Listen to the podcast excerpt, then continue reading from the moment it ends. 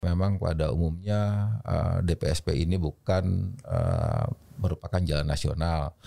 Tetapi kan jalan strategis nasional ini sesuai dengan Rensta Bina Marga tahun 2020 sampai 2024.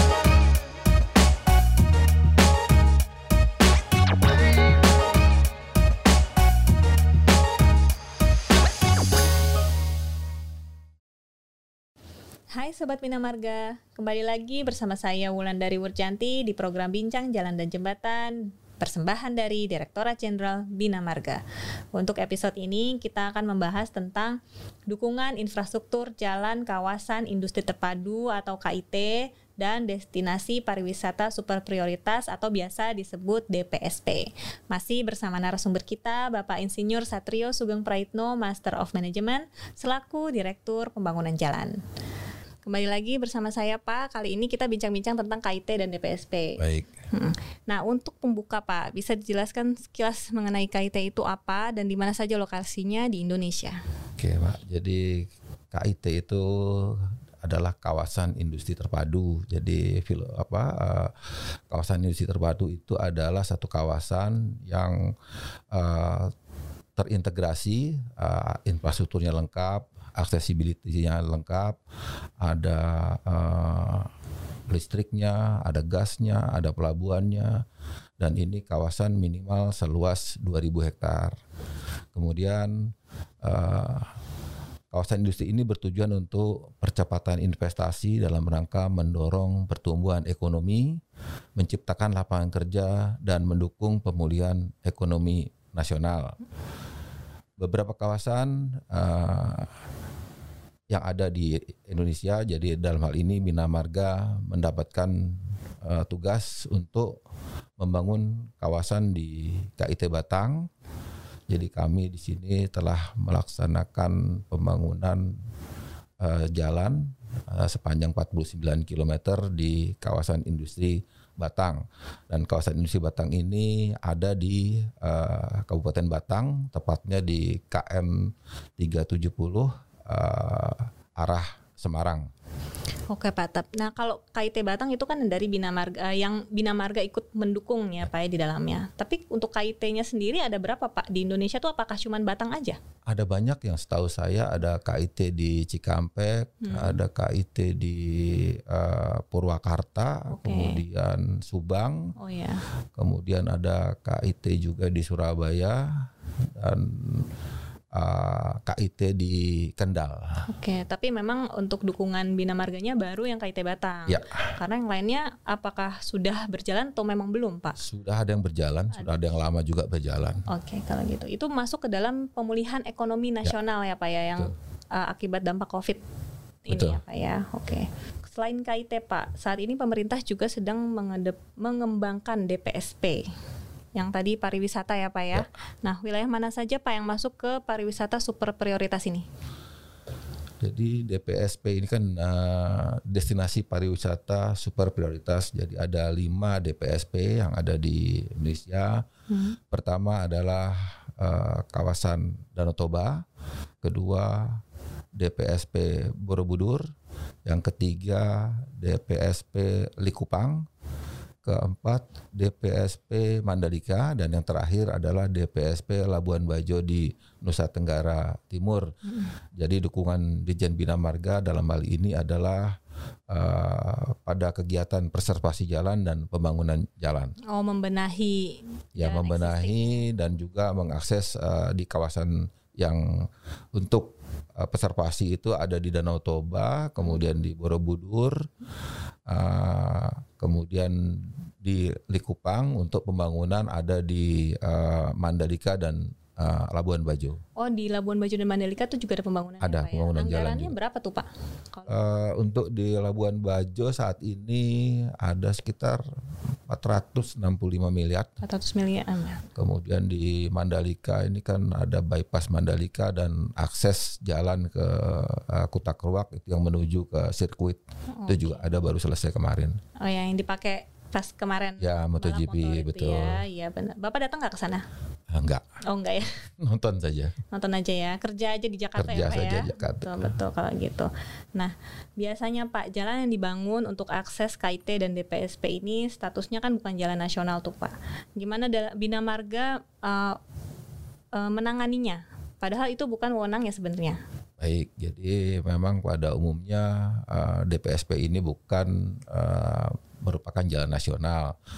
Tetapi kan jalan strategis nasional ini sesuai dengan Rensta Bina Marga tahun 2020 sampai 2024 meliputi kawasan strategis pariwisata nasional, kawasan ekonomi khusus, kawasan industri prioritas, dan daerah tertinggal, perbatasan dan kepulauan 3T yaitu tertinggal, terpencil dan terluar.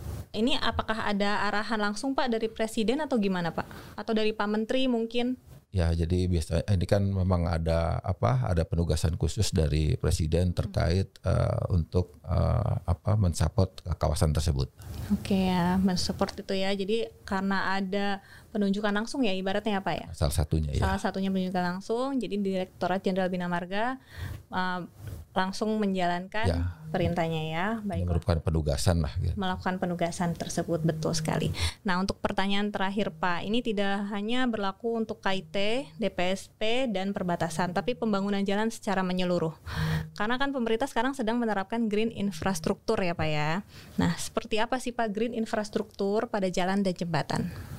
Jadi penerapan green road atau green infrastruktur adalah merupakan implementasi dari amanat per- Permen PUPR nomor 9 tahun 2021 tentang pedoman penyelenggaraan konstruksi yang berkelanjutan. Sedangkan konstruksi yang berkelanjutan adalah sebuah pendekatan dalam melaksanakan rangkaian kegiatan yang diperlukan untuk menciptakan suatu fasilitas fisik yang bisa memenuhi tujuan ekonomi, sosial, dan lingkungan pada saat ini dan pada saat yang akan datang. Oh, gitu. Jadi itu maksudnya berkelanjutan Ya, ya. Ya? sustainability lah. Saya pikir tuh green infrastruktur tuh kayak masalah yang uh, ramah lingkungan gitu. Enggak juga ya, ternyata luas ya Pak. ya? Lebih luas lagi. lebih luas lagi ya. Jadi green infrastruktur bukan hanya masalah ramah lingkungan, tapi sustainability-nya juga merupakan bentuk tanggung jawab dari Direktorat Jenderal Bina Marga dan semua yang terlibat di dalamnya. Nah, sobat, pembangunan infrastruktur kawasan industri telah diusahakan dibangun dengan baik dan infrastruktur jalan pariwisata telah dibenahi juga supaya perekonomian Indonesia nih bangkit lagi setelah pandemi global nih Pak ya udah Betul. udah lumayan lama Pak. Ada harapannya nggak dari Pak Satrio terhadap pembangunan KIT dan DPSP ini untuk masyarakat harapannya apa Pak? Ya harapannya nanti setelah kami selesai membangun ini bisa ber apa lebih mensupport uh, kegiatan pariwisata yang ada di uh, Indonesia untuk DPSP dan ya semoga KIT ini juga bisa uh, apa me- mendapat satu uh, investor dari luar yang uh, memang uh, segera terrealisir uh, pelaksanaannya di KIT tersebut. Iya Pak ya, supaya ekonomi Indonesia nih bangkit nih Lebih Pak baik, ya, betul lagi. Nah, tapi untuk masyarakat juga nih diharapkan untuk ikut menjaga jalannya dong Pak, ya kan? Karena kan kita menggunakan APBN dalam Betul, ini ya Pak ya. Nah, tentu masyarakat semua juga diharapkan ikut serta dalam memelihara jalan bersama. Kembali lagi ke Pak Satrio ya.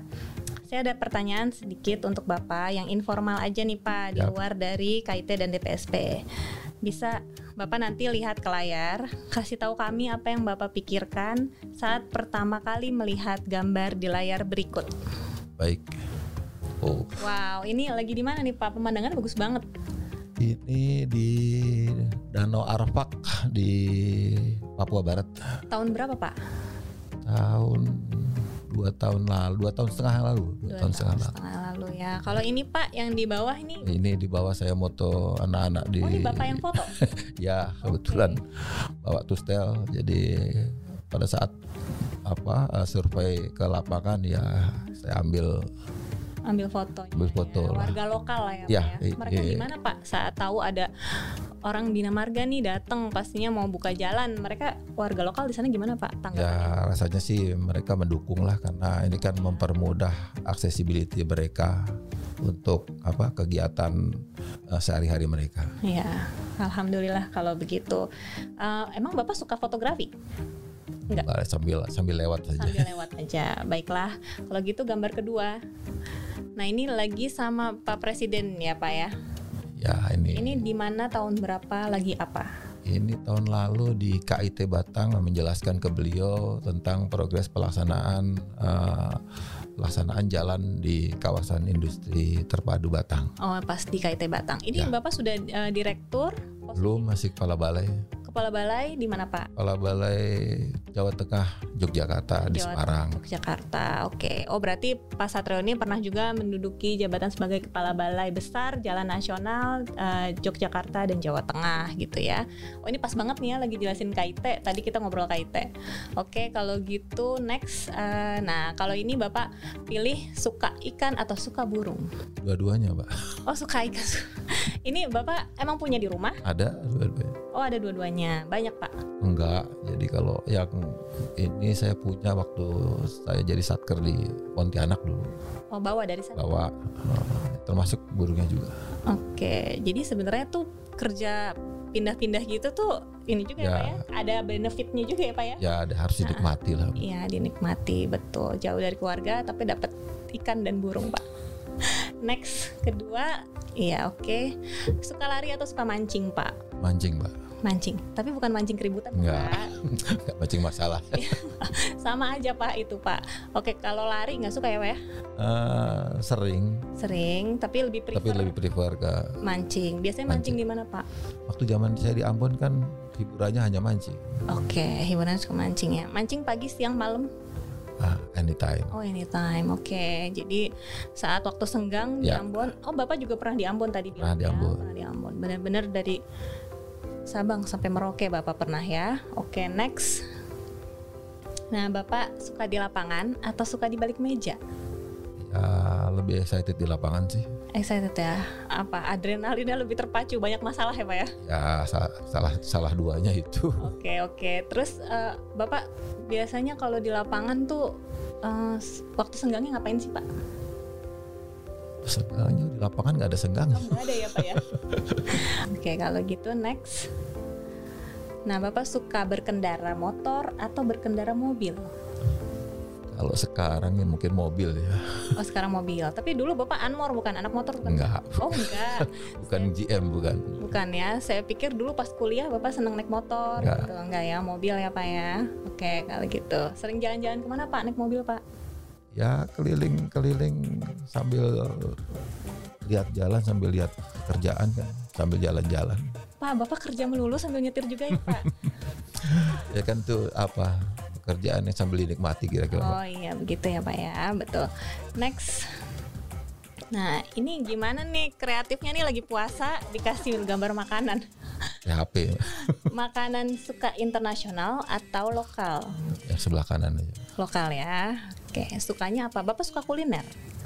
Suka. Suka kuliner ya. Paling suka kuliner di Indonesia tuh paling kena di lidah tuh di mana? Kalau tes mungkin di Jawa ya, tapi kalau di Kalimantan juga enak. Enak ya Pak, Kalimantan ya. Oke, di Papua tuh juga ikannya enak kan? Enak ikannya, cuman kan sambalnya kurang nyamuk. Oh, kalau di lidah sambal Jawa. Ya. Kalau ikan memang timur ya. Ya. Ya? Iya, oke. Setelahnya ada lagi nggak nih ya? Oh udah, kalau gitu trivianya sudah. Terima kasih Pak Satrio sudah menyempatkan waktu untuk hadir berbincang dengan saya di podcast ini. Nah, sobat, pembangunan infrastruktur kawasan industri telah diusahakan dibangun dengan baik dan infrastruktur jalan pariwisata juga telah dibenahi supaya ekonomi Indonesia bangkit lagi nih setelah diterjang pandemi global dua tahun belakangan. Tentunya masyarakat semua diharapkan ikut serta dalam memelihara jalan bersama. Ya kan Pak ya? Baik. Nah, terima kasih kepada Pak Satrio telah berkenan berbagi sharing kepada kami di podcast ini.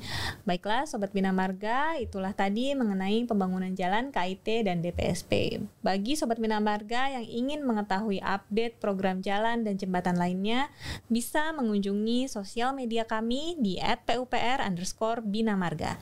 Saya Wulandari Wurjanti, pamit undur diri. Sampai jumpa di episode selanjutnya. Tetap semangat menyambung negeri.